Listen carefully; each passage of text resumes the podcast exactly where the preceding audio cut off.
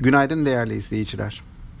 Dün finansal sistemde normalleşme adımlarından bahsetmiştik. Ee, özellikle stopajın ve kambiyo vergisinin, döviz alımlarında uygulanan kambiyo vergisinin düşürülmesi piyasalara olumlu yansıyabilir demiştik.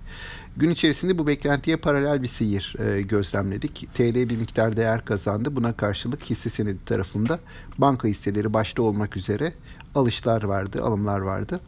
Banka hisseleri günü ortalama %3 artışla kapatırken endeksin yükselişi de yaklaşık %2 seviyesinde oldu. Bu alımlar sonrası banka hisseleri 19 Ağustos'tan sonraki en yüksek kapanışını gerçekleştirmiş oldu. Dün yurt dışı tarafa baktığımızda ise ABD hisse senetlerinde özellikle seçim öncesi yeni bir destek paketi çıkarılacağı beklentisi hakimdi. Bu beklentiyle hisse senetlerinde genelde alımlar gözlendi.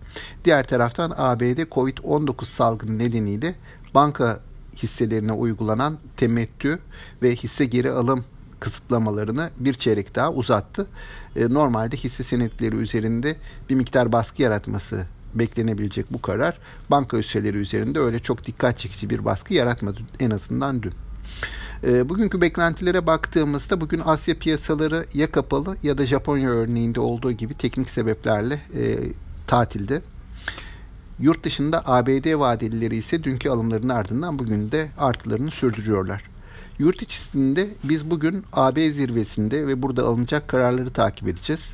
E bunun yanında yine bölgesel ve jeopolitik gelişmeler hisse senedi piyasasını etkileyebilir. Ancak e, genel olarak risk iştahına baktığımızda bunun e, nispeten olumlu olduğunu söylemek mümkün.